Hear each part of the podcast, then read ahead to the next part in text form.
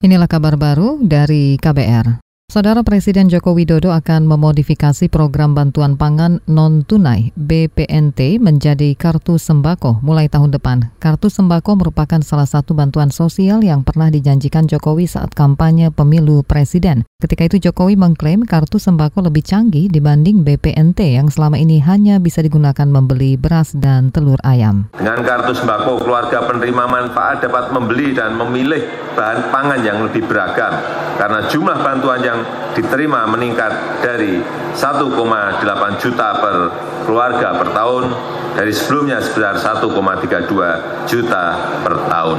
Presiden Jokowi menambahkan kartu sembako akan mulai disalurkan tahun depan untuk 15,6 juta keluarga penerima BNPT. Kata Jokowi, kartu sembako bisa digunakan untuk membeli berbagai bahan kebutuhan pokok. Meski begitu, Jokowi tidak merinci komoditas pangan apa saja yang diperbolehkan atau dilarang untuk dibeli dengan kartu sembako itu.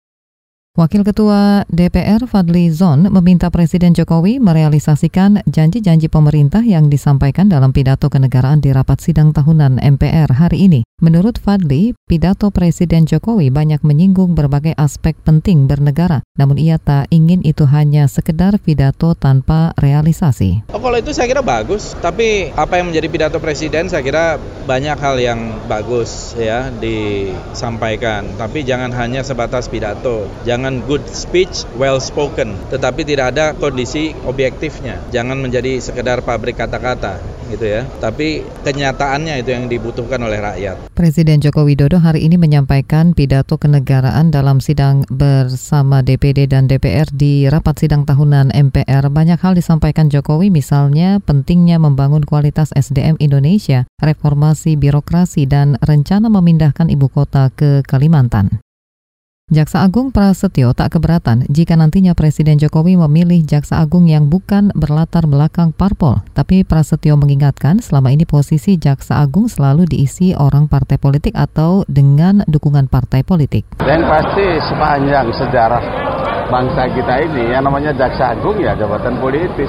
Tidak ada satu Jaksa Agung pun yang tidak didukung partai politik. Ya, saya terpulang pada Jaksa Agung Bersangkutan so mana dia membersihkan diri dan perannya ketika menjabat sebagai jaksa agung.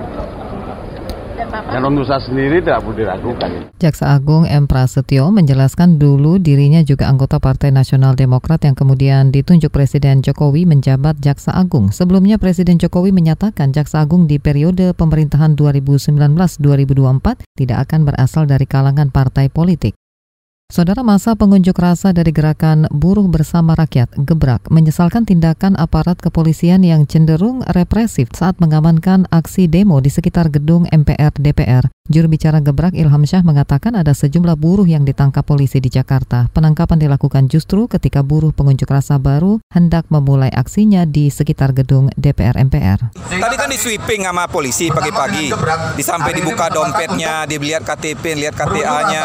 Karena kan datang baru beberapa ada yang lima orang gitu. Nah di sini ada empat orang.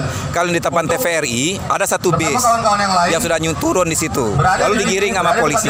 Juru bicara Gebrak Ilham Syah mengatakan aksi yang digelar hari ini merupakan aksi damai terkait pelaksanaan sidang tahunan MPR. Tuntutan mereka antara lain menolak revisi Undang-Undang Ketenagakerjaan karena dinilai hanya mementingkan kalangan pemodal. Sementara itu juru bicara Polri Dedi Prasetyo membantah kepolisian menangkap sejumlah buruh. Aparat kata Dedi hanya mengamankan bukan menangkap apalagi mengintimidasi pengunjuk rasa. Demikian kabar baru dari KBR, saya Malika.